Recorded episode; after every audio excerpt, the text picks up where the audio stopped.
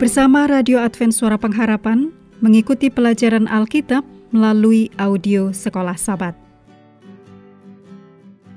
Selanjutnya kita masuk untuk pelajaran hari Senin tanggal 19 Juni. Judulnya Mengetahui Kebenaran. Mari kita mulai dengan doa singkat yang didasarkan dari Wahyu 15 ayat 3. Besar dan ajaib segala pekerjaanmu, ya Tuhan, Allah yang Maha Kuasa. Adil dan benar segala jalanmu, ya Raja segala bangsa. Amin. Dalam Yohanes 8 ayat 32, Yohanes 7 ayat 17, dan Yohanes 17 ayat 17, Yesus memberikan janji tentang mengetahui kebenaran yang akan memerdekakan dan hanya ditemukan dalam firman Allah. Seruan terakhir Allah kepada umatnya adalah agar keluar dari kesalahan Babel dan berjalan dalam terang kebenaran kekal yang ditemukan dalam firman-Nya. Kunci dari segalanya adalah kitab suci. Selama orang-orang tetap berpegang pada kitab suci dan mengikuti apa yang diajarkannya, mereka tidak akan tertipu dalam krisis terakhir, khususnya mengenai hari Sabat Pekabaran malaikat kedua meminta kita untuk menerima kebenaran, bukan kesalahan, untuk menerima kitab suci, bukan tradisi, dan menerima ajaran firman Tuhan, bukan kesalahan doktrin palsu. Pekabaran malaikat ketiga yang mengikuti pekabaran dua malaikat pertama menyerukan peringatan terhadap tanda binatang itu di seluruh nubuatan kitab suci, seekor binatang melambangkan kekuatan politik atau agama. Binatang dari dalam laut pada Wahyu pasal 13 dan 14 muncul dari Roma sebagai sistem penyembahan seluruh dunia. Pada akhirnya, kekuatan Romawi ini meluaskan pengaruhnya ke seluruh dunia dan akan memimpin dalam sebuah gerakan untuk menyatukan gereja dan negara. Tujuannya adalah untuk mencapai kesatuan dunia pada saat pergolakan ekonomi, ulangi,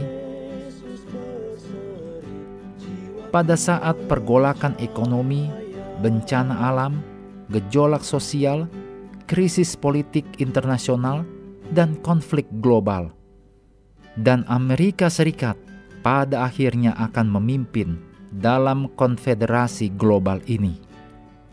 Berikut kutipan dari Alfa dan Omega, jilid 8 halaman 618. Melalui dua kesalahan besar, kekekalan jiwa dan kekudusan hari Minggu, setan membuat orang-orang takluk di bawah penipuannya. Sementara yang pertama yaitu kekekalan jiwa, meletakkan dasar spiritisme, takluk di bawah penipuannya.